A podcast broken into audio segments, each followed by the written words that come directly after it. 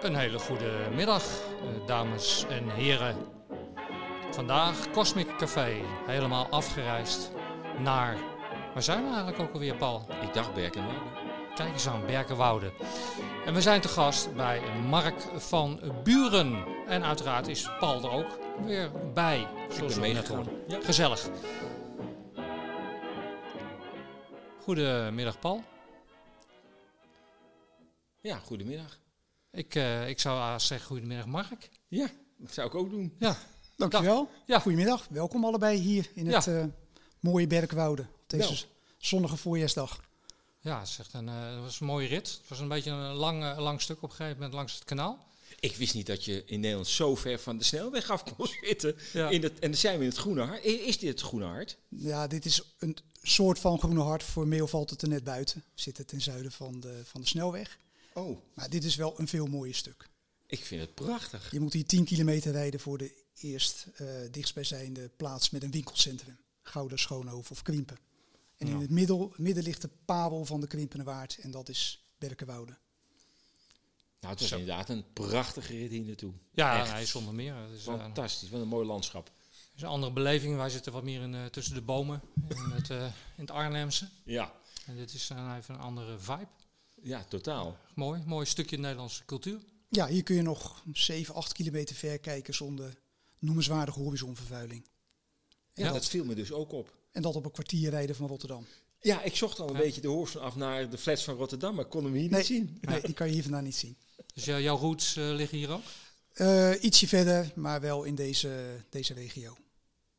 Ik kom uit Capelle aan de IJssel van oorsprong. Dus dat is inderdaad een meer urbane gemeente. Ja, ja. Jarenlang in Krimpen aan de IJssel gewoond. En nu zes jaar aan het bouwen aan een, eh, nou, mag wel zeggen, een soort mini-samenleving. Ja.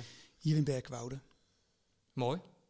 Ja, het, ehm, het eerste wat mij opviel toen ik eh, binnenkwam, waren eh, de twee kippen die eh, lekker over het erf lopen.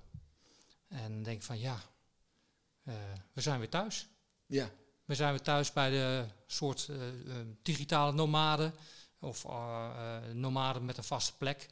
Die op een, misschien op een hele eigen manier ja, hun zaakjes regelen, zeg maar. En, en, en samenwonen. En, heel mooi, lijkt mij dat. Ik, ik, ik, ik vraag me af, op wat voor punt in je leven zei je van...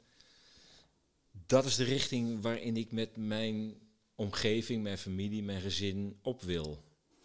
Ja, dat heeft natuurlijk wel een soort van voorgeschiedenis. En ik denk dat eh, wat een enorme aanjager is geweest. We zijn jarenlang met ons gezin eh, op een soort van expedities geweest, met name in het Arctische gebied. Waarin we gedropt werden, ik noem wat, op de Highlands in, eh, in IJsland. Bepakt en bezakt, eh, voorraad eten mee voor acht, negen dagen. Oh. Tenten mee, kompas, GPS mee, een goede kaart en een eindpunt. En zie het maar te rooien. En eh, ja, daar maak je natuurlijk alles mee. Warmte, kou, eh, vermoeidheid, overbelasting. Je zit op elkaars lip terwijl je verder niemand tegenkomt. Eenzaamheid, je bent overgeleverd aan de elementen. Eh, je slaapt eh, met elkaar hutje-mutje in één tipi. Want ja, je kan geen grote partytent meenemen als je daar aan het hiken bent. En dat gaf ons een andere visie op, op wat we nou belangrijk vinden in het leven. Dus eigenlijk juist door zo extreem minimalistisch te zijn. We werden eigenlijk pas blij als we het laatste streepje van onze telefoon dood zagen gaan. Dan waren we op een van de Ja. weinige black spots op deze aarde. Dat was altijd de uitdaging. Dat wordt wel steeds moeilijker. Ja, ik denk het ook, ja. En niet alleen door de grenzen die, eh, die dichter zijn geworden. Ehm, maar dat, dat, ik denk dat dat de basis is geweest, of een van, eh, een, een van de zaken die aan de basis heeft gelegen van onze ambities om, om met elkaar dit levensavontuur aan te gaan. En dus we konden het goed vinden als gezin met elkaar. We kunnen overleven, want dat was het letterlijk, in de meest barre omstandigheden. Daarbij leer je wat belangrijk is. En ik vergelijk het wel eens met die bekende piramide van Maslow. Dus je hebt als eerste toch een beetje eh, eten, drinken nodig, eh, iets tegen de elementen. Eh, maar uiteindelijk merk je dat je zelfs in zo'n, in zo, op zo'n expeditie dingen vindt die je bijna anders niet vindt. Dat is een soort ongekende saamhorigheid, het samen rooien met elkaar, het kunnen vertrouwen op elkaar. En ehm, ja, eigenlijk hebben we, ik denk al tien jaar geleden gezegd van ja, ik denk dat we op zoek moeten gaan naar een plek waar we ons leven zo kunnen inrichten dat we dat met elkaar opzetten en waarbij we het ook zelf met elkaar kunnen rooien. Hè, zonder, je, zonder oogkleppen op te doen voor de rest van de wereld. Maar wel een levensbestendig concept. Ehm, maar dat was nog voor jullie reis naar IJsland. Kwam die dan uit dat besef voor? Ja, dat is altijd een stuk kip-ei-vraag. Dat, dat, dat weet ik niet. Eh, een stukje avonturierschap komt er natuurlijk ook bij Ja, kijken. Ja. Ehm eh saillant detail is natuurlijk dat, eh, doordat we dit al heel erg lang doen, dat ook schoonfamilie daar mede door wordt bepaald. Dus dat wil zeggen, hè, is op de eerste beste vakantie gaan ze mee. Hoe doorstaan ze dat? Krijgen ze er energie van? Of is het over en uit na die vakantie?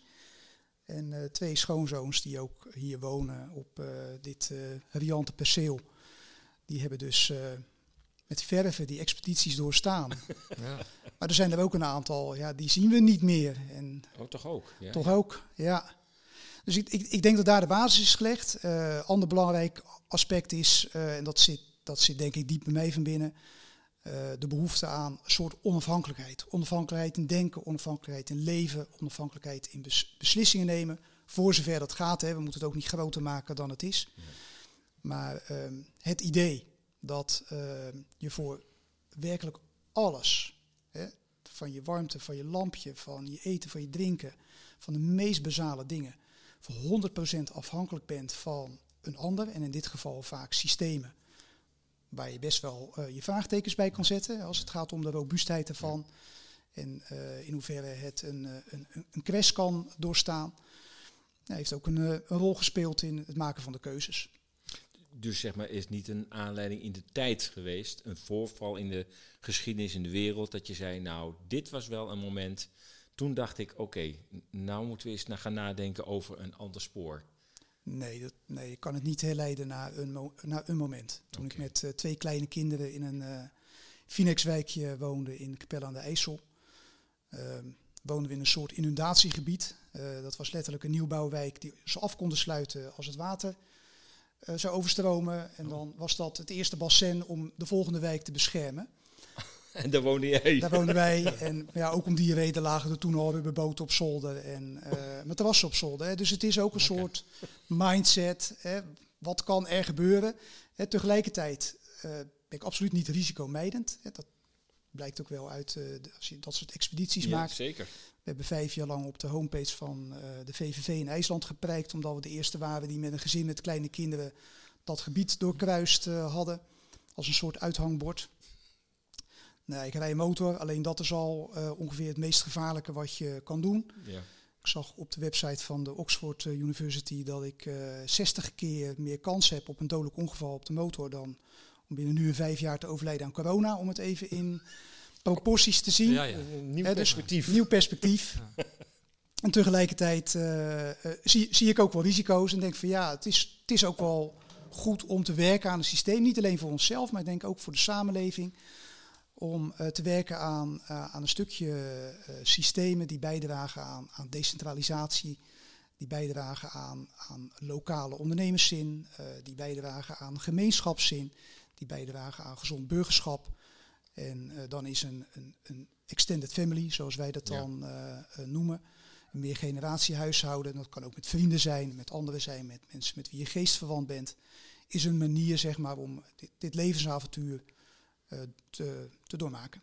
Is het inderdaad een, eh, eh, voor mij ehm, is het een soort eh, eh, terugkeer naar de nomadentijd. Ik denk dat wij, als wij, toen wij ooit hier begonnen te leven als samenleving, dat waren cellen. Dat waren Ja. nomaden die rondtrokken, in mijn beleving. En dat was ook inclusief. Iedereen deed daar ook in mee. Of je nou man, vrouw was, of eh, je was snel van begrip, of wat minder snel van begrip. Je was krachtig, je was zwak, het maakt niet uit. Ieder had zijn plekje. En het was inclusief. En, eh, en inclusiviteit, eh, en je voelde dat je erbij hoorde. Dat, was ook, eh, dat werd ook nooit een vraag over gesteld. Iedereen hoorde er gewoon bij. En ik denk, ehm, eh, ik denk zelf dat dat een, een bijzonder groot probleem is op dit moment in de samenleving. En dat, hoe, ja, hoe zie jij dat? Ehm, ja, ik, ik krijg natuurlijk wel eens het, het verwijt of de vraag van, ja, is het niet de spruitjesgeur van de jaren 50 waar je weer naartoe gaat? Hè, door op deze manier eh, je leven in te richten. En dan zeg ik altijd van ja, al, al duizenden, honderdduizenden, ik weet niet hoe lang eh, deze wereld bestaat, leven mensen uh, in familieverbanden, leven mensen met elkaar, leven mensen met verantwoordelijkheidsgevoel tot hun directe naaste. Dat is van alle tijden en van alle plaatsen, behalve van de zogenaamde verlichte westerse mens sinds de jaren 60, toen ze in al haar wijsheid heeft bedacht om een soort disengagement uh, concept te bedenken, waarbij iedereen die uh, oud was, en dat was toen 65 jaar, die schopte je weg letterlijk achter bejaardenhuizen, in bejaardenhuizen. En er heeft in een Haags museum een expositie gehangen van alle bejaardenhuizen uit de jaren 60. En dat had er bestond het ongeveer een, een, een, soort grote wol van 300, 400 foto's. Het had net zo goed één foto kunnen zijn die ze 300 keer hadden afgedrukt. Die oranje zonneschermen met daarachter een groot uh, raam en daarachter een zielige bejaarde die op zijn 65ste daar zijn laatste levensjaren kon, kon uh, doorbrengen. Nou, dat is zeg maar, dat vinden wij de, de trieste exponent van onze zogenaamde solidariteitssamenleving. Um, hij is weliswaar gebouwd door de generatie voor ons. Ehm, ergens had ik gedacht en gehoopt dat men had geleerd dat dat niet de manier is waarop je een samenleving moet inrichten. Uh, maar dat heeft wel degelijk een, een, rol gespeeld. En je vraagt naar dat, naar dat solidariteitsconcept. Uh, nou, het is hier geen inloophuis voor uh, elke geluk zoeken. dat is het zeker niet. maar we denken wel dat, dat deze manier van samenleving, hoe je dat dan ook inricht, veel meer, veel robuuster is. En zeker in een tijd als vandaag. En dat bedoel ik niet alleen op de eenzaamheid die corona met zich meebrengt, dat is nog een verhaal apart. Uh, maar ook met de enorme demografische tijdbom waar we op zitten. Uh, kan het weinig anders omschrijven. Dus nu in korte tijd komen er zoveel ouderen bij. Dat ik denk van ja, je moet, we moeten daar als samenleving wel iets voor gaan bedenken. En of dat dan een soort wederkerige systemen zijn waarbij studenten in uh, begijnhofjes wonen of iets anders. Maar ergens moeten we bouwen aan een samenleving die weer menselijker wordt. En stukje decentralisatie uh, hoort er absoluut bij. In feite zou je kunnen zeggen dat wat we nu met de ouderen hebben gedaan tijdens corona, is eigenlijk een soort extreem eindpunt, lijkt het wel, van een, van een uitgewerkt model. Hè? Dat je zegt, nou, we hebben ze beschermd in hun eigen omgeving. En ja, terwijl we eigenlijk allemaal konden zien dat dit geen bescherming was. Ja, ik geloof dat uiteindelijk zelfs een aantal van onze ministers hebben toegegeven dat dat toch niet het allergrootste succes was van hun coronabeleid. Dat is heel wat. Ehm, maar, maar dat klopt, de eenzaamheid is groot. En niet alleen nu bij ouderen. Dus het is, je ziet het ook bij, bij jonge mensen terug. Die uiteindelijk uh, misschien gelukkig wonen in een Vinexwijk of in ergens in een appartement maar nu, uh, mede door corona, zoveel tijd thuis moeten doorbrengen en opnieuw te maken krijgen met een soort, soort van eenzaamheid, waarbij je contacten zijn verworden tot uh, schermcontacten. Nou, wij, wij, zijn ermee gestopt, hè, dus familie is hier welkom uh, of we gaan er naartoe. maar we gaan geen familiebezoekjes doen via een scherm. Dat is, dan zeggen de een next level disengagement in deze samenleving. En dat is precies hoe je het niet zou moeten willen. Mensen zijn sociale wezens en we hebben elkaar nodig. Ja, ja mooi. Heel mooi, uh, mooi gezegd. Ik kan me daar wel uh, helemaal in vinden, die woorden. Um, breng mij even naar een, uh, misschien een andere, ander onderwerp. Um, je bent ICT-man, mag ik het zo zeggen? Jazeker, dat is een van de expertises. Ja, ja. En um, ICT voor mij is ja, zeker een, mo een mooi vakgebied uiteraard. Het is wel voor mij ook mechanisch. Het is een beetje koud. Het is een beetje eh, weg van uh, boots on the ground. Ja. Uh, met alle respect overigens, hè, want het kan natuurlijk ook fantastisch zijn als je in die wereld duikt. Hè, dus uh, don't get me wrong. Uh, is dan de manier van jouw leven nu, is dat dan zeg maar een, een ja, de, de, counterpart van jouw werk? Hè, hier sta je echt met de boots on the ground in het weiland. En, maar aan de andere kant heb je ook een, ja, een hele structurele misschien mechanische wereld om je heen? Nou, ik, ik, ik ga, zal niet zeggen dat het een tegenstelling is. Ik denk dat we het allebei nodig hebben. Uh, dus ja, ik hou van uh, geavanceerde technologie, in wat voor vorm dan ook. of dat dan nanotechnologie, biotechnologie of, of ICT is. Een brede interesse voor technologie in, in, in al zijn aspecten.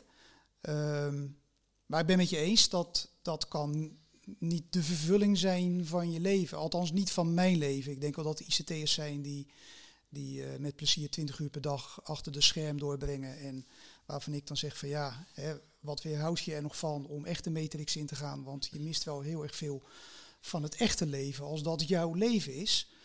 Ehm, maar in, in, in de combinatie, ehm, als ik even naar onze thuissituatie kijk, daar combineren we ook hele geavanceerde technologie met uh, noeste arbeid op het land. Hè. Dus uh, ja, we hebben PLC-gestuurde verwarmingssystemen, ongelooflijk geavanceerde systemen voor de energievoorziening, overal meet- en regeltechniek ingebouwd.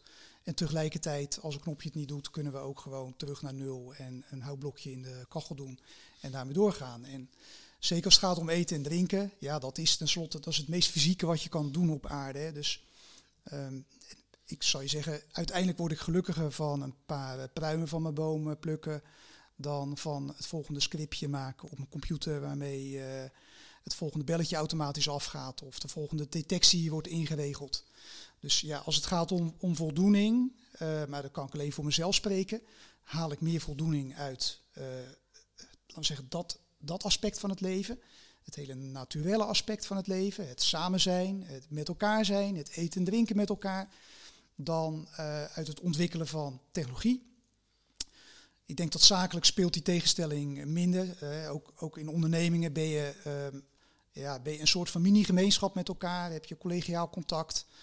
Uh, moet je problemen oplossen en gaat het niet alleen om de bits en de bytes. Gelukkig niet. Nee. Gaat het vooral ook om mensen en cultuur.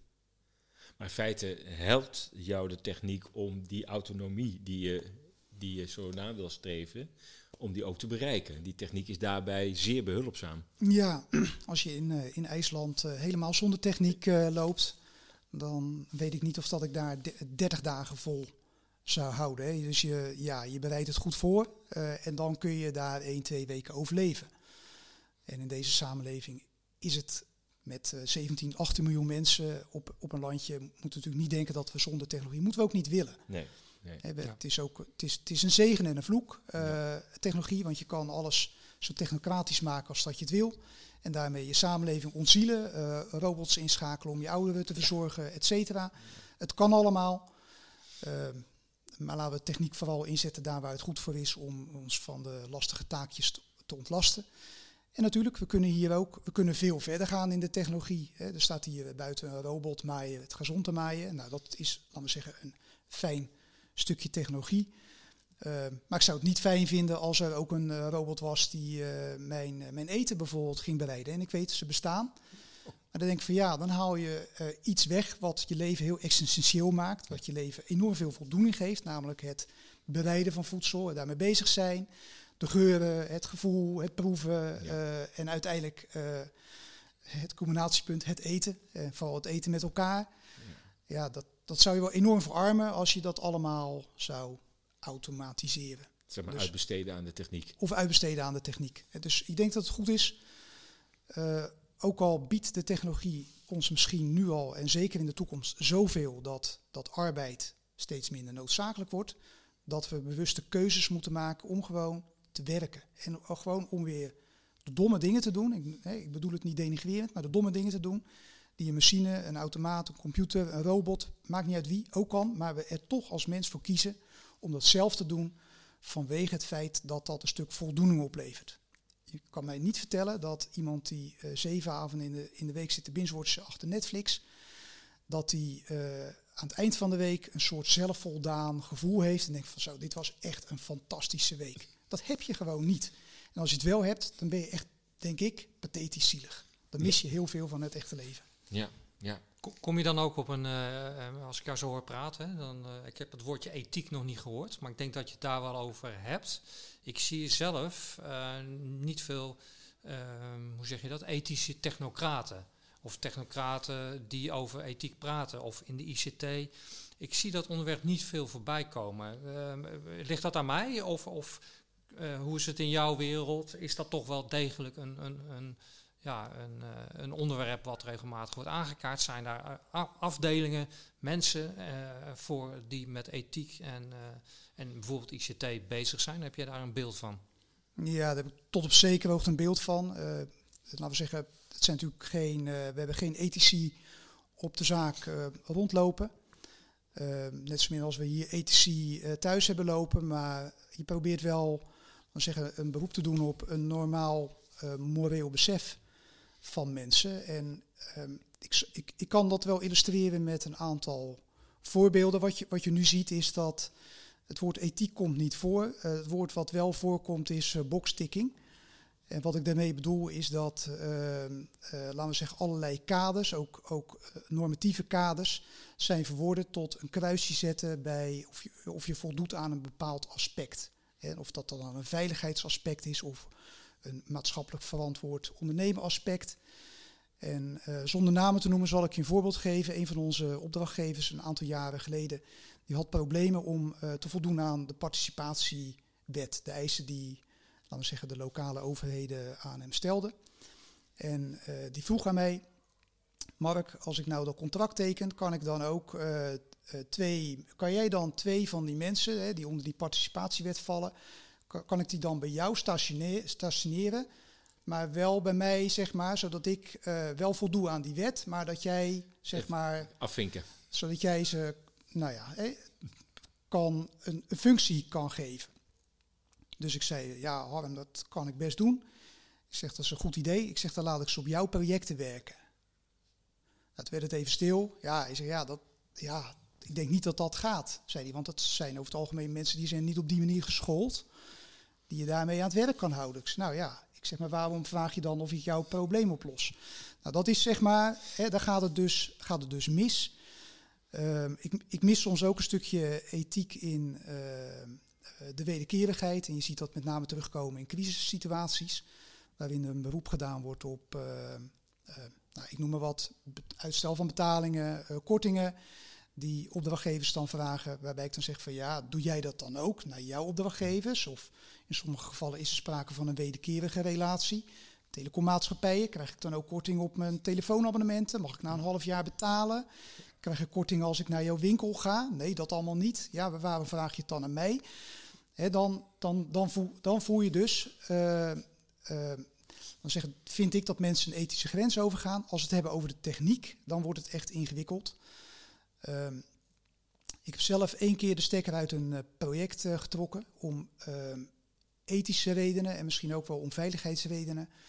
We hebben een jaar of zes geleden een, uh, een, ehm, een, technologie ontwikkeld om mee te kunnen doen aan de display advertising op internet. Dus het, zeg maar het inkopen van, van banners op allerlei mm. websites. Nou, daar gaat een, een hele grote online handel zit erachter. Uh, en in die tijd werden er ongeveer 10.000 banners per seconde verkocht.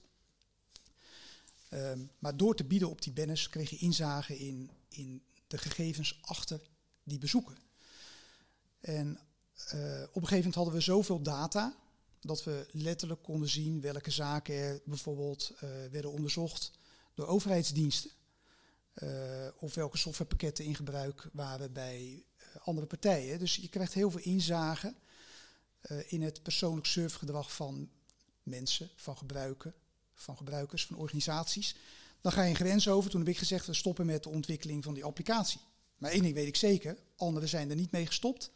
Integendeel, zijn daarmee doorgegaan.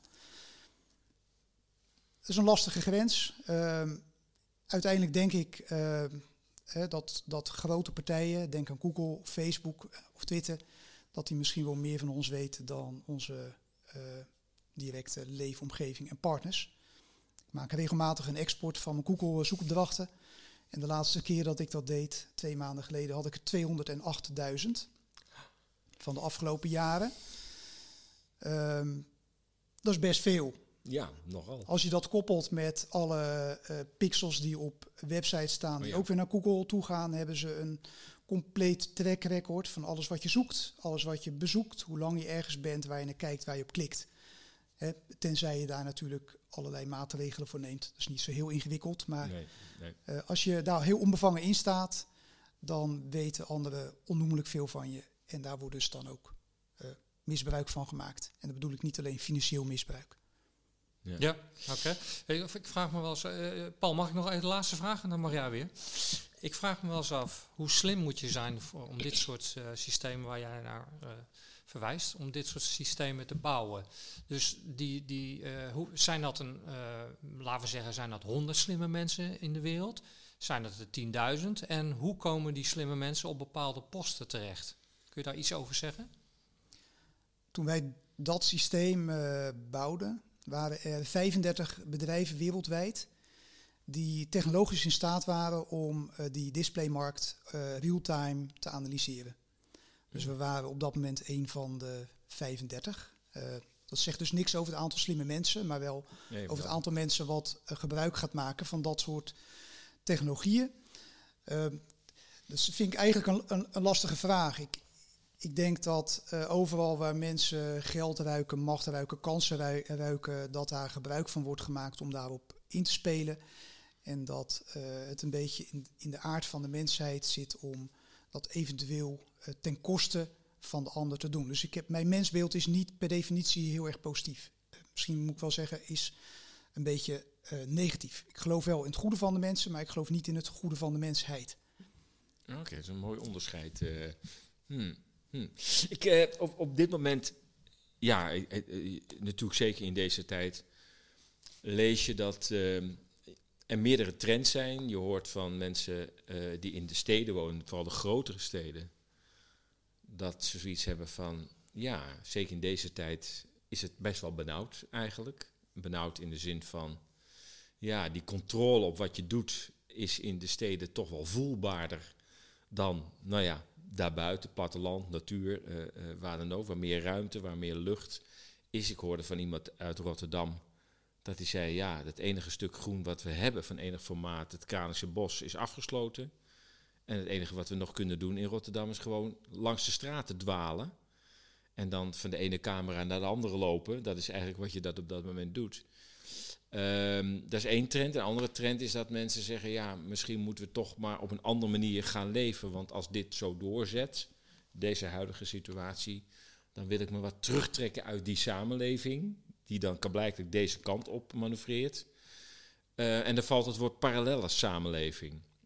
Um, wat, wat we hier zien, zou dat wat jou betreft onder de rubriek parallele samenleving vallen? Of zeg je, nee, dat heeft daar niks mee te maken, dat is een heel ander verhaal ik doe gewoon mijn eigen ding, maar dat is geen parallele samenleving. Nou, ik, kan er wel, ik wil er wat van zeggen. Ik, ik, ik zie dit nog niet als een uh, parallele samenleving. Daarvoor is het een, een, Het is eigenlijk nu, zoals nu is, is het een kleine autarkische, dus zelfvoorzienende leefgemeenschap. Waarbij we duurzaamheid combineren met het zoveel mogelijk zelf doen. Hè. Dus tot en met die eigen vaatwastabletten en zeep. Dat gaat dus okay. in dat opzicht ook ver. We slachten onze eigen dieren. Uh, we focussen op uh, en we proberen dat ook zo circulair mogelijk te doen. Dus dat hoeft nog niet per definitie uh, parallel te zijn. Tegelijkertijd, uh, die parallelsamenleving, ik zit in een aantal telecramgroepen, dat is inderdaad booming, booming business en dat heeft uh, nu een andere, andere oorzaak. Uh, zoals uh, jij met je hoeveelheid Duitse achtergrond moet dat zeker weten. De parallelgesellschaft noemen ze dat ja, geloof ik in, ja, in, in ja, Duitsland. Daar is het nog sterker, ja. Daar is het nog sterker. De, vooravond van de Tweede Wereldoorlog, de Staten in Staten, waarmee de Joden werden gesegregeerd, gesegregeerd van de samenleving. dus het heeft een hele negatieve connotatie. Zo'n parallele samenleving. Alsof dat, hè, dat is eigenlijk, als je het zo beschouwt, ontstaan vanuit, vanuit dwang. Het heeft iets onvrijwilligs. En um, er zijn natuurlijk ook andere vormen van parallele samenleving. Ik heb uh, mijn roots liggen in de, in de reformatorische wereld. Uh, dat is eigenlijk nu wat minder, maar zeker in de jaren 60, 70 was dat ook een soort van parallele samenleving. He, dus een dat noemden we toen een verzuilde wereld. Ja. Met eigen kranten, die zijn er nog steeds. Met eigen zorghuizen, met eigen bejaardenhuizen. Met eigen maatschappelijke voorzieningen. En ik vond daar toen wel wat van. Uh, in de zin van, doe normaal, sluit je aan bij de samenleving. Uh, participeer normaal. Even, even buiten het feit dat je kwetsbare groepen daar misschien wat anders mee om moet gaan. Maar in zijn algemene zin dacht ik van ja, hè, integreer dat en uh, neem je verantwoordelijkheid binnen die samenleving en sluit je niet te veel op. En nu, met de kennis van nu, hè, even ja, de coronacrisis, ja. denk ik van ja, uh, misschien kunnen we er nu veel van leren. Uh, omdat als je nu bepaalde principiële keuzes maakt, zoals die reformatorische wereld toen ook deed, moet je misschien wel weer terug naar een parallele samenleving. En Eh, maar dat is, heeft wel iets onvrijwilligs. Dus ik, ik ga dat niet bepleiten. Ik ga daar ook niet voor kiezen. Uh, als dat gebeurt, is dat uit dwang door de overheid en door de samenleving opgelegd. Omdat uh, een aantal aspecten van de samenleving moeilijker worden gemaakt. Omdat je niet mee wil gaan in een bepaalde beweging. En voor mij zijn dan heel principieel in dit opzicht de vaccinatie dat scheelt me één lettertje, maar het komt praktisch gezien op hetzelfde neer en het uh, testbeleid. Ik merk nu al uh, dat het testbeleid uh, bindend gaat worden om toegang te krijgen tot bepaalde aspecten in de samenleving. Ik ben er zo principieel op tegen dat ik daar dus dan gewoon niet aan mee ga doen. Ja. Dus dan maar niet. Ik ga niet bewijzen dat ik gezond ben om een bioscoop binnen te komen of op een meeting bij een klant te komen. Dan ben ik er niet. Omdat, ja. ik, omdat ik dat niet wil. Ik vind dat een, daarmee over, overschrijd je een gewetensgrens. En dan heb ik nog niet eens over vaccinatie. Dat gaat nog een, stap, gaat nog verder een stap verder. Ja. dan, uh, dan, dan een testbewijs dat je een soort van gezond bent. Als ik daarop mag aanvullen, um, de Hoge Veluwe, Nationaal ja. Park de Hoge Veluwe, daar kom je niet eens meer in zonder een gezondheidstest. En daar is alles dicht. Het gaat dus alleen maar wandelen in de natuur. Ja. Het is een enorm terrein. De kans dat elkaar tegenkomt is relatief klein. En dan moet je een gezondheidstest laten zien, moet je online op ter plekke uitvoeren om nog binnen te komen. Ja, dat is gewoon te bizar voor woorden. En dat is precies, uh, dat is een van mijn grote zorgen. Waar gaan we naartoe? Uh, en als we het dus hebben over een parallele samenleving, dan in dit verband gaat het om een onvrijwillig gecreëerde parallele samenleving, waarbij uh, je door de overheid, die dan het bedrijfsleven en allerlei maatschappelijke instellingen als haar marionetten inzet om te handhaven. Het is nog, het is nog veel erger dan alleen de overheid. Ja. De burger en de, de ondernemer en, en, de, en de, de buschauffeur, die wordt ingezet als een soort uh, boa om uh, te gaan handhaven. Het is echt bij de honden af.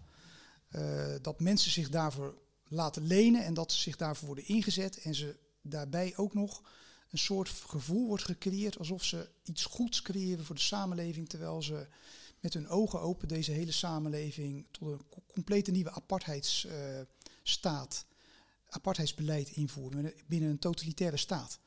Dus ik, ik, ik ben er tamelijk principieel over. Ik vind daar dus ook wat van.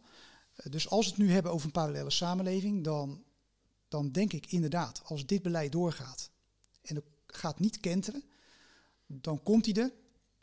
En dan is het me net de vraag hoeveel ruimte je krijgt om, die, om zo'n samenleving op te zetten. He, mag je straks nog wel een particuliere kliniek opzetten, een gezondheidskliniek, waarbij je uh, welkom bent als niet gevaccineerde oh ja. en zonder. He, dus, want de overheid heeft haar tentakels overal uitgeslagen. Uh, dus je kan nu wel roepen, we zetten een parallele samenleving op. Maar dan nog is de vraag, krijg je die ruimte? En dat moet ik nog zien met de hedendaagse ontwikkelingen. Tegelijkertijd uh, juich ik de initiatieven toe van mensen om zich in ieder geval de, krachten te bundelen. En je ziet, er, je ziet er een aantal. Ik ben een beetje voorzichtig, want voor je het weet zit je in allerlei conspiracy en complotdenkers. Uh, mensen die overal conclusies aan verbinden. Maar je, ziet, je een aantal initiatieven groot worden, groter worden. Want het zijn nog steeds kleinere aantallen, 10 tot 20.000. Dus landelijk gezien vind ik dat nog steeds kleine aantallen.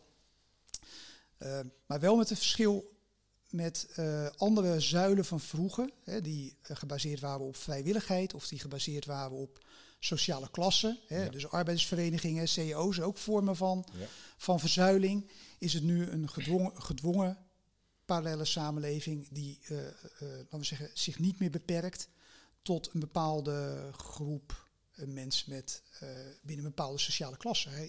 Dat doorkruist echt alle lagen ja. van de samenleving. En doorsnijdt echt alles. En uh, ik, ik, hoop een beetje uh, dat het niet beperkt blijft tot um, een politieke partij. Hè.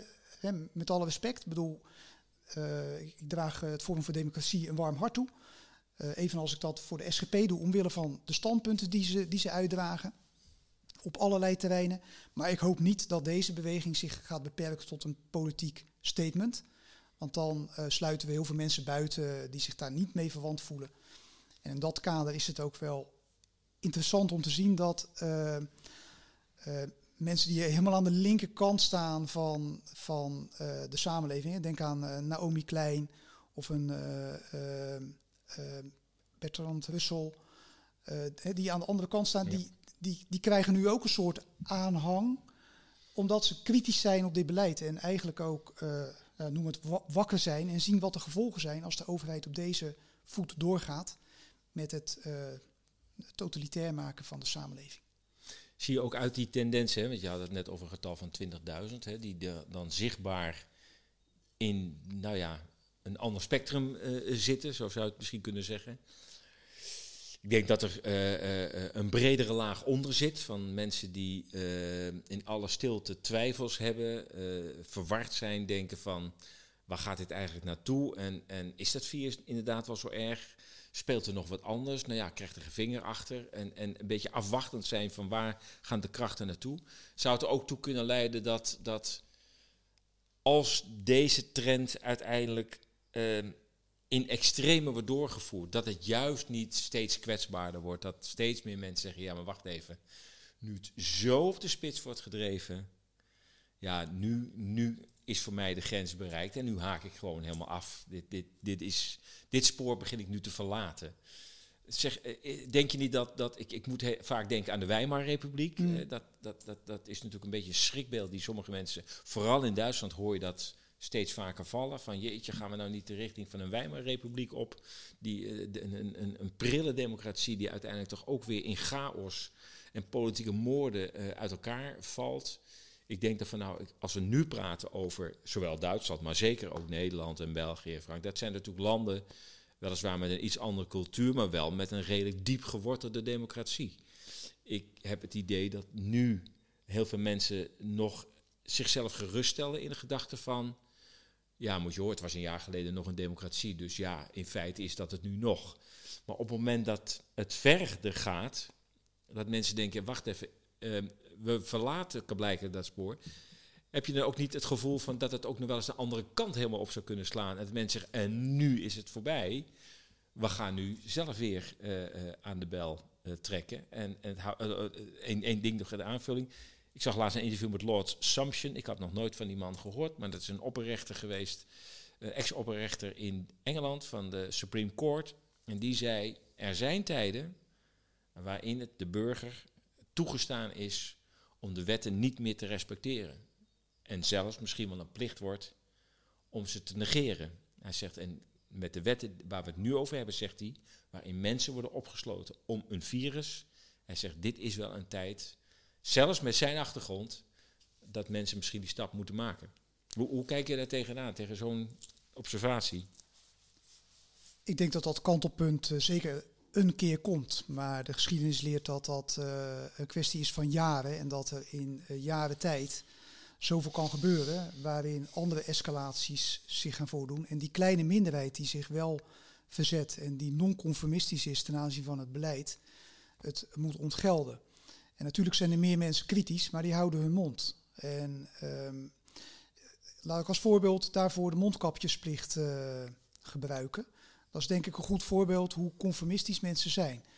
Het RIVM en uh, eigenlijk bijna alle wetenschappelijke instanties onderkennen dat het gewoon niks toevoegt aan onze veiligheid. Uh, het filmpje van de RIVM heeft tot, tot het overal verbannen was van het internet en weggecensureerd door Big Tech en overheid, heeft het overal gecirculeerd. Dan moet je je best doen om het te, om het te vinden. Maar de, de, de, dus mensen weten, ook wetenschappers weten dat het niks toevoegt. Uh, en heel veel mensen beseffen ook dat het een soort kippengaas is voor een virus. Ondanks dat uh, gaan mensen uh, er wel mee gekleed, of hoe je dat dan ook wil noemen. Het is bijna al een modeverschijnsel. Krijg ik zelfs vragen voor fotoshoots van ja, doen we het met of zonder mondkapjes op de foto? Want doe je het niet, dan ben je ineens van, van, van voor deze tijd, doe je het wel ja, dan sta je ineens met die rare uh, mondkapjes op de foto, op je campagnes. Ik noem maar even wat. Dus dat is een dilemma. En ondanks, ondanks dat zie je dat uh, het conformisme om, om je daaraan te houden zo groot is dat het bij uitzondering, ja, ik ben niet meer in de winkel geweest, want ik wil dat ding niet dragen. Nee, ik, ik, heb hem één keer drie minuten omgehad nu. En dat was om een stem uit te brengen, omdat dat, nou ja, dat rechtvaardigde zeg maar dan nog van binnen mijn belang dat ik zei van oké. Okay, ik ga het een keer doen en ik ga geen oorlog voeren uh, voor zoiets bij de, om een stembureau binnen te komen met alle risico's van dien dat mijn kostbare stem daardoor verloren gaat. Dus ik heb alle moed bij elkaar geraapt en mezelf overwonnen en hem uh, drie minuten opgezet. Maar ik kom niet meer in de winkel. In Engeland wordt nu al gezegd, ook, uh, ook door uh, het gerechtshof, dat het misschien wel tien jaar gaat duren voordat die mondkapjes worden afgeschaft. dus dat is een beetje ons voorland. Komen mensen dan in opstand? Nee, helaas niet. Misschien is wel 30, 40 procent het mee eens dat het niet veel toevoegt en zeker buiten niet. En ondanks dat is het een soort brevet van deugdzaamheid, een brevet van volgzaamheid, een brevet van conformisme om dat ding maar op te doen. Ook al weet je diep van binnen dat, dat, het, dat het weinig toevoegt. En uh, ik, uiteindelijk uh, is mijn grote zorg dat we te weinig echt kritisch principiële mensen in deze samenleving hebben. En uh, misschien, dan ga ik iets, iets zeggen wat op het kantje zit, maar te weinig mensen die wat subversiever zijn in hun denken. En bereid zijn om offers te brengen voor de keuzes die ze maken. Ja. En in mijn geval betekent dat dus gewoon geen bezoek meer aan iets waar je dus een mondkapje op moet. Dat is voor mij een persoonlijk offer. Ik ga daar niet over zitten huilen balken. Uh, maar ik vind het wel heel diep triest dat dat mijn overheid, waar ik gewoon uh, 35, 40 jaar lang echt grof geld aan belastingen heb, heb betaald, mij dit aandoet. Dat vind ik onrecht. Uh, jij vroeg net, uh, hè, kan er zo'n escalatiepunt komen? Wanneer komen mensen in verzet?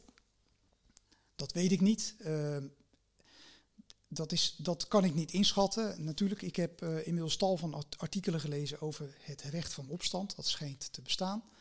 Ik had tot voor een jaar geleden er nog nooit van gehoord, maar het schijnt een soort fundamenteel recht te zijn. En zelfs in Duitsland is het iets wat, wat wettig is uh, vastgelegd. In Nederland ligt dat uh, volgens mij ietsje minder duidelijk.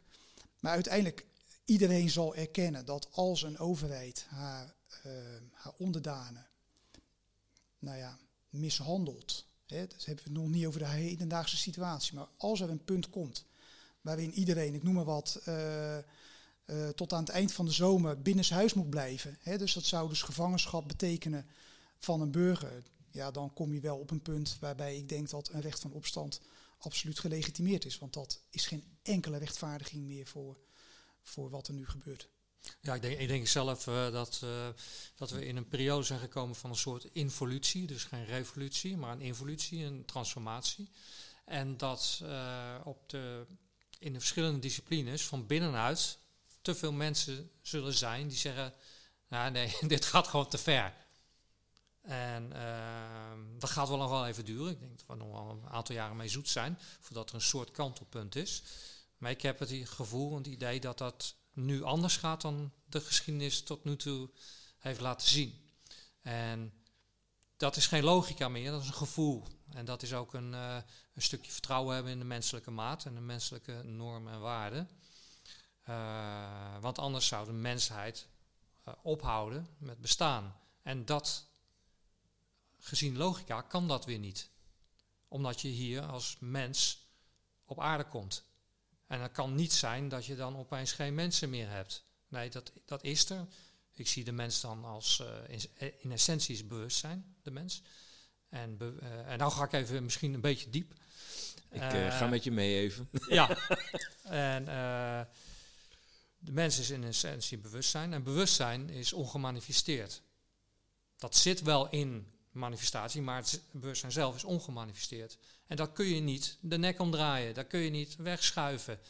Dat kan niet, logisch gezien en ook gevoelsmatig gezien. Dus ik denk dat deze periode wel en je ziet het ook allemaal in non-verbale communicatie, beweging. Uh, dat het wel, dat er een, echt een involutie komt. En uh, dat genoeg mensen terug willen naar de menselijke norm, menselijke maat. Ja, dat is een, een, een, een gevoel. En, uh, ik, ik, ik kun jij daar wat mee? Nou, ik, ik, ik hoop het. Hè. Ik, ik zei net, ik geloof wel in het goede van, van mensen. tegelijkertijd wat ik nu signaleer is dat er heel veel mensen ontmenselijkt zijn. En uh, dat, maakt dus, dat maakt het gesprek ook vrijwel onmogelijk als je handelt vanuit een, um, een bijna psychotische angst. Hè, die uh, je afgelopen jaar is ingedreund. Hè. Ik ben nog van Ja. de zomer eh, nog één keer in een, eh, in een intratuin geweest. En er stond zo'n bandje op repeat. En ik ben drie kwartier binnen geweest. Ik dacht echt dat ik gek werd. Dat bandje stond alleen maar te vertellen, houd afstand, houd afstand, houd afstand. En dan hou je aan de regels. In die drie kwartier dat ik binnen was, heb ik dat meer dan 45 keer gehoord. Nou, dat is zeg maar een soort druppel die op je hoofd eh, slijt. En dat Ja. is dus precies wat er is gebeurd. Ehm, en ik ga er geen, geen Godwin van maken, want eh dat vind ik vaak dooddoeners. Maar je ziet natuurlijk wel degelijk vergelijkingen met hoe mensen zijn beïnvloed in de, in de, in de, in de jaren 30 en 40. En ik moet nog wel eens denken aan de film The Wave, die ik eh, op de middelbare school zag, waarin een, eh, een docent zeg maar, als een soort Ja, gedragsexperiment bekend. bekende film. eh, zijn, Ja. hele, zijn hele klas op een paar na zover kreeg dat ze alles uithaalden vanuit een bepaalde ideologie.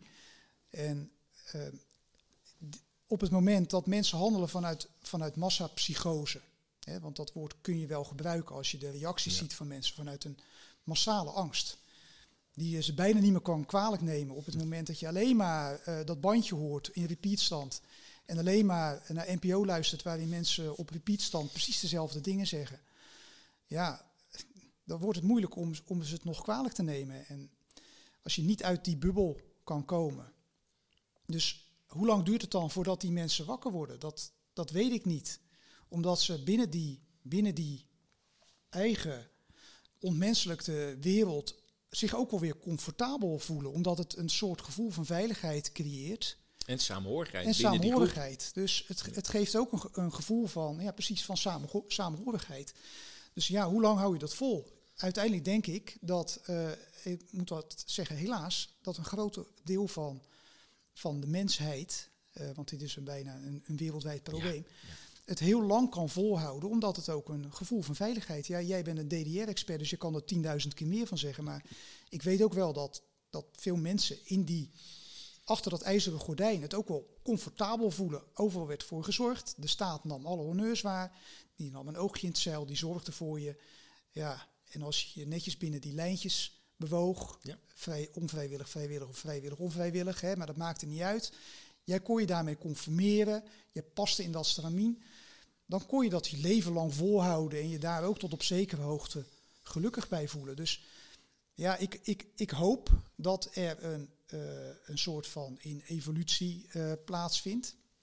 Tegelijkertijd eh, denk ik van ja, dat, dan, dan moet er wel wat gebeuren Ja. Voordat het zover komt. En misschien moet het al wel zover komen ehm, dat mensen er heel erg veel last van gaan krijgen.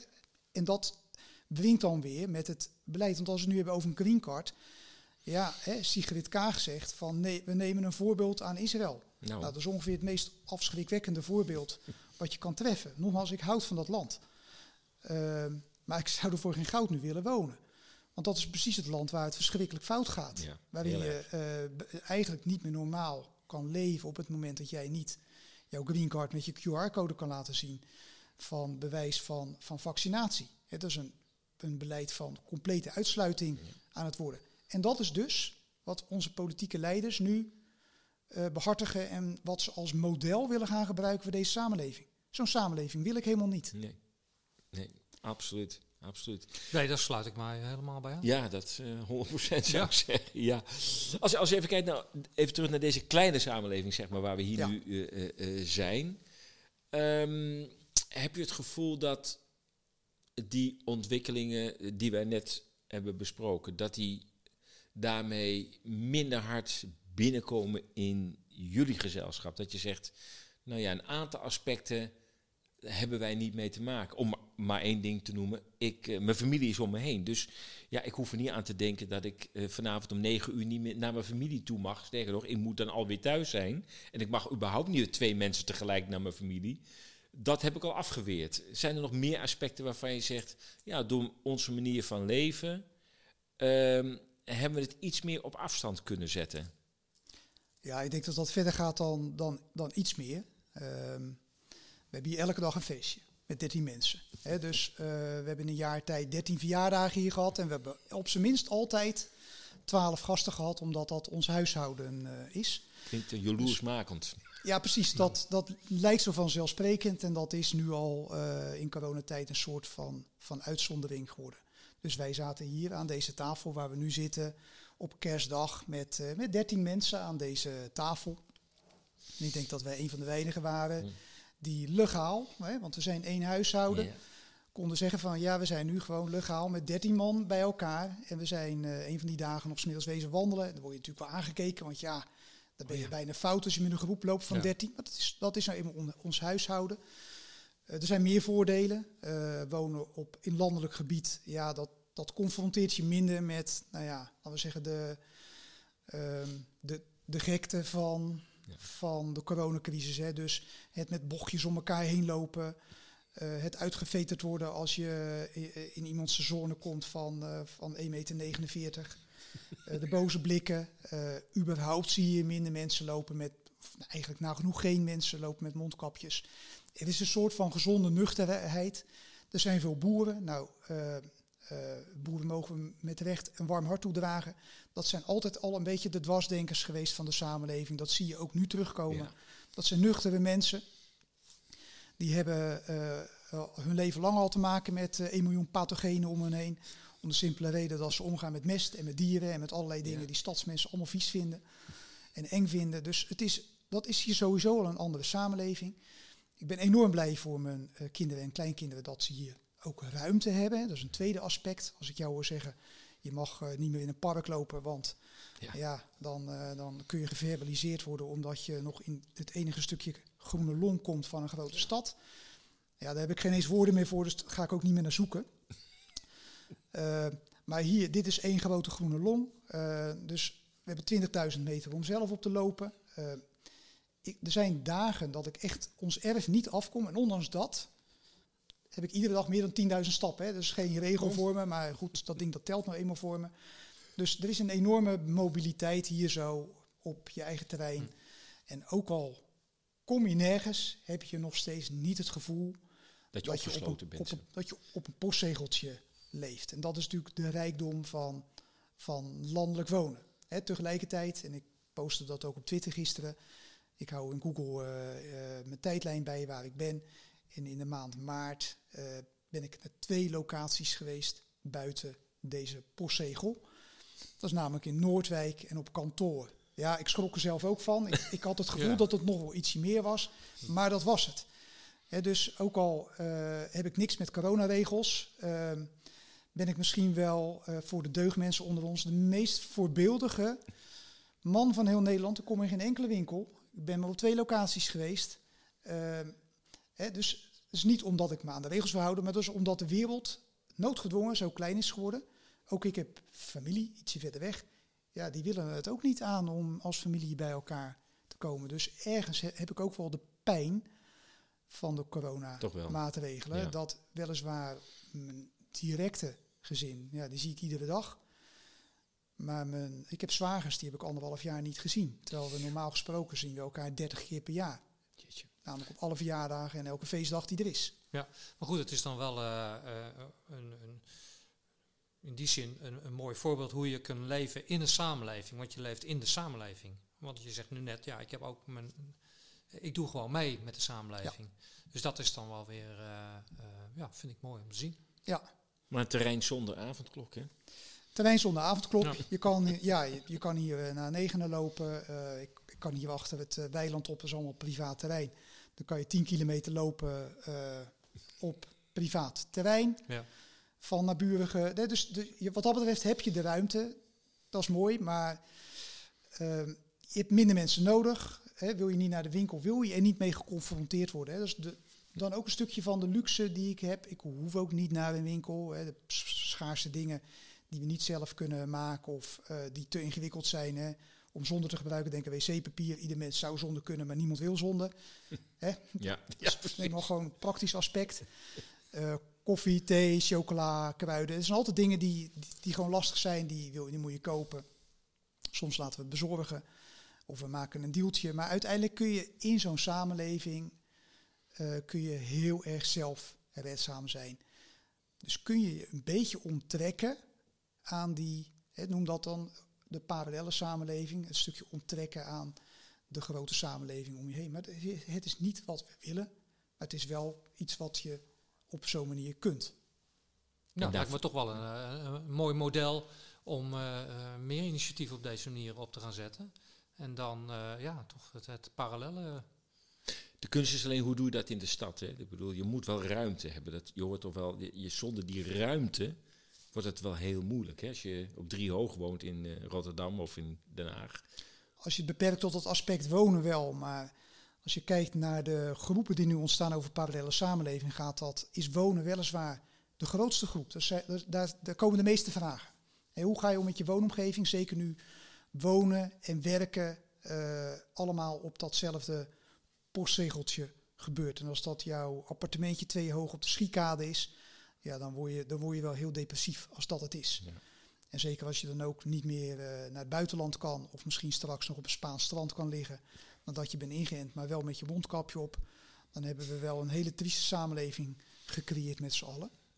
Dat is het dan. Maar wonen is een aspect, eh, maar er zijn letterlijk meer dan, nou ja, ik denk meer dan 100 groepen, want het gaat ook over muzieklessen. Het gaat ook over zorg. Waar vind ik een huisarts? Ehm, hoe kom ik aan een goede tandarts? Ehm, waar, hoe ga ik om met, met het testbeleid op school? Oh, ja. Ja, dat is natuurlijk een, een, een ander ding. Wij willen niet dat de kinderen getest worden bij school. Hè, wat wij, waarvan ik zelf zeg van, ik wil niet een bewijs van gezondheid afleveren. Hè, als we snot verkouden zijn of we hebben iets, dan blijven we thuis. Eh, maar we gaan niet, eh, terwijl hier iedereen kerngezond is, eh, nog eens een keer bewijzen dat we allemaal, dat we misschien niet gezond zijn. Waar vinden we deze groepen trouwens? Je bedoelt... eh, dit soort groepen, dit soort initiatieven, waar zijn die te vinden? Ja, natuurlijk, je kunt googlen. eh, maar is dat, eh, heb je specifieke namen eventueel? Of ja, dus voor geïnteresseerden? Ja, zeker. Er zijn, ik denk dat eh, Nieuw-Nederland heeft een aantal groepen opgezet. Dat is een Telegram-groep waaruit heel veel subgroepen zijn ontstaan. Soms ontstaan groepjes spontaan. We hebben hier in, eh, in Berkenwoude eh, een eigen groep opgericht. eh, met mensen die hetzelfde overdenken. En er, Oh. zit, er, zit, er zit van alles bij. Hè. Er, er, zitten, er zitten boeren in, er zit een tanden, nee, geen tandarts, een huisarts in. En dus daarmee creëer je eigenlijk al binnen. En ik denk dat dat ook belangrijk is om in je lokale omgeving. Want het laatste wat je wil is 150 kilometer rijden om even een gaatje te laten vullen. Ja. Dus eh, Maar je ergens. noemt wel Telegram-groepen. Hè? Dat is voor, voor sommige mensen nog eh, tamelijk nieuw. Zo van Telegram als een soort nieuwe WhatsApp. Eh, maar je zegt het zit toch vooral wel in dat soort social media. Niet echt meer in WhatsApp. En, Nee, WhatsApp-groepen eh, niet, niet meer. En dat, heeft ook, dat komt ook met name door WhatsApp zelf. ja. En het, al het sentiment wat daar omheen hangt. En het feit dat de privacyvoorwaarden zijn aangepast. hè, Er is toch een soort beweging geweest naar andere eh, structuren. Telegram is misschien op dit moment wel de grootste, maar ja, er zijn er echt wel meer. hoor. Ik gebruik nu ook Element. Oh, s- misschien niemand van gehoord. Precies, eh, Signal gebruik ik al Ja. jaren. ja. Ja, dus er zijn echt wel meer st- online structuren, maar uiteindelijk is denk ik de kunst. Die, die online structuren heb je nodig om geestverwanten te vinden en ja, een beetje het kaf van het koren te scheiden en ja, mensen met gelijkgestemde interesses te vinden. Eh, maar uiteindelijk moet je natuurlijk naar de echte wereld. Het laatste wat je wil is met elkaar eh, berichtjes uitdelen hoe, eh, wat voor kommer en kwel het allemaal om ons heen is. Ja. En de volgende de linkjes dumpen met wat waar gebeurt en wat de overheid nu bedacht heeft. Dat schiet niet op. Nee. Willen we dingen regelen, moet je dingen doen. En, en dan merk je dus dat het ineens heel ingewikkeld wordt. Want dingen doen betekent gewoon heel praktisch gezien offers brengen, financieel, hard werken, Ja. eh, je dingen ontzeggen. eh, dat vraagt een prijs. En in dat opzicht hebben we misschien een voordeel dat wij zeven jaar geleden al de keuze hebben gemaakt om letterlijk al ons geld en al onze vrije tijd en alles wat we hebben en al onze privacy op te geven om een zelfvoorzienende leefomgeving te creëren.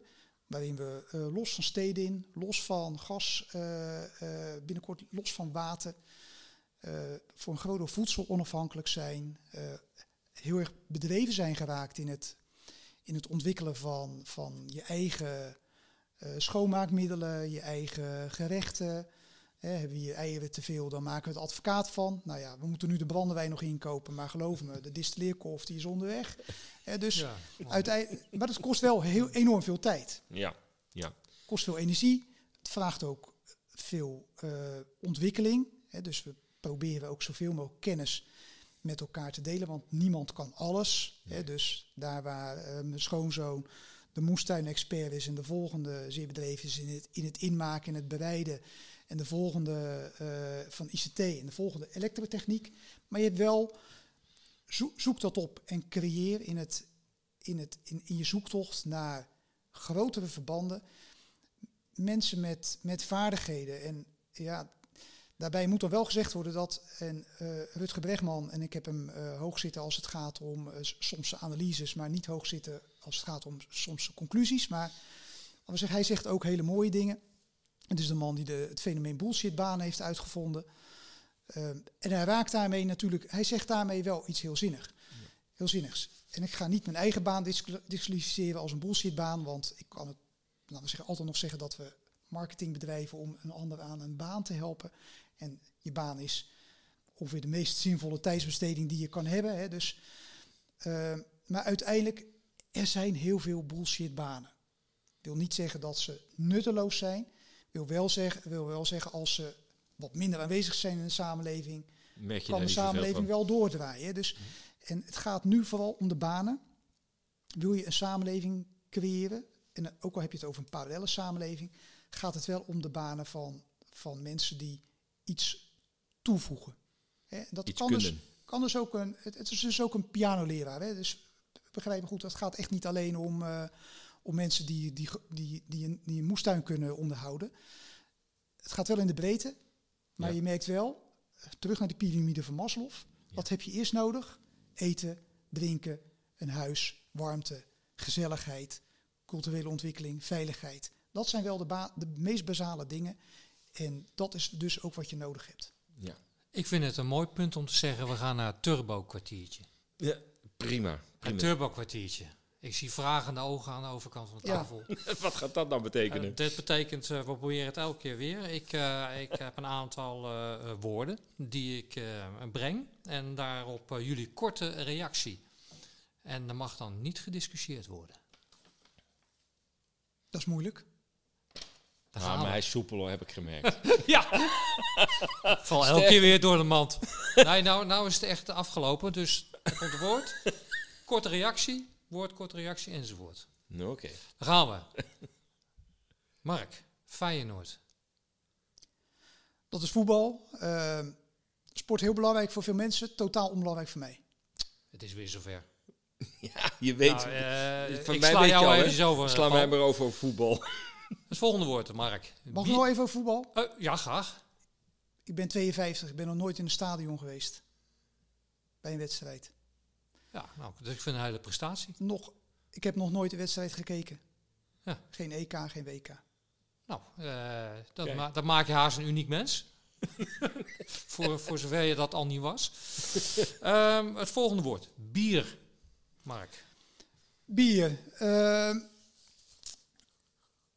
een van de mooiste dranken die er is. En staat eh, bovenaan de lijst om zelf te gaan maken. Yes. Yes. Paul, bier.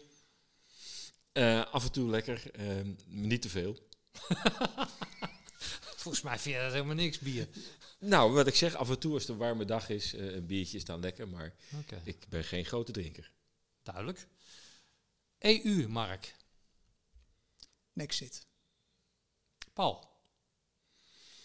Eh behoefte forse herziening. Gaat heel goed zo, hè? ja, ik zou, moet, zou het kort houden. Mark. Ford. Ford. Als in Ford. Met een D. V. F. F-O-R-D. De auto. Wat jij wil. Dan hebben we het over de auto. Ja. Eh, we hebben weliswaar eh, voor bijna onze ritten allemaal elektrische auto's. Maar er staat één werkpaard. en dat is een F-150. Ja, wat ik zeg, ik zal hem staan. En die blijft er. Want die hebben we ook gewoon hard nodig. Ja, ja, ja. Oké, ja. Paul? Ford. Ja, was een slimme ondernemer die zag dat als hij zijn werknemers niet goed zou betalen, dat zijn fortjes ook nooit eh, op de markt zouden kunnen worden eh, gebracht. Henry. Ja, visionair mens. Mooi. Mark, autonoom? Uh, dat is een uh, hoogstreven, autonomie uh, van denken en van doen. Paul? Ja, ik denk dat het bij het mens zijn hoort. Of gewoon ehm, de verleiding van de samenleving is om je juist over te geven aan allerlei systemen en die autonomie vrijwillig af te geven. Maar ik denk dat deze tijd wel bij heel veel mensen de alarmbel af doet gaan. Dat autonomie misschien toch wel weer een essentieel onderdeel van het leven hoort te zijn. Dat lijkt mij. Uh, is dit weer een mooie afsluiter? Of? Ik vind het moeilijk om over mijn eigen afsluiter te zeggen, maar als jij hem mooi vindt, vind ik hem ook mooi. Ik vind hem wel mooi. Uh, Mark, wat vind jij van deze afsluiter? Nou, ik zou wel willen afsluiten met, met, met autonomie. Ehm, ik, ik denk dat er zijn nu zoveel afhankelijkheden gecreëerd in de samenleving. In, in, laten we zeggen, op alle terreinen van het leven. Dat het goed is om te kijken hoe we autonomie kunnen creëren. Ook op het gebied van de meest belangrijke zaken die we hebben. Onze directe leefomgeving, de zorg voor ons heen. Ja. Dus autonomie in afhankelijkheid, maar wel in afhankelijkheid van jouw directe leefomgeving. En niet van China, niet van de bank, niet van, bedenk het maar. Fantastisch. Ik, uh, ik sluit me alweer helemaal aan bij de woorden van, van Mark. Um, Mark, bij deze uh, dankjewel voor uh, het uh, gastvrije ontvangst hier. Ja, dankjewel. En, uh, dankjewel voor je tijd en, en je wijsheid. Paul, zeer inspirerend. Zeer inspirerend, ja. zeker. En Paul, ook bedankt voor je wijsheid, want ook jij bent een wijs man. Nou zeg, dankjewel. Dank voor je komst. Graag gedaan. Ja, heel, heel, graag gedaan. Heel graag gedaan. Ik zou zeggen, dames en heren, u bedankt voor het luisterwerk van vandaag. We waren vandaag bij Mark van Buren. Het was fantastisch. Het was mooi, het was zonnig. En uh, ja, life is just a bowl of cherries. Dus vergeet vooral niet een dansje te doen. En uh, naar de mooie blauwe lucht te kijken. Is die nog blauw? Ja. En een zonnetje te zoeken. En, nou, en graag tot een volgende week.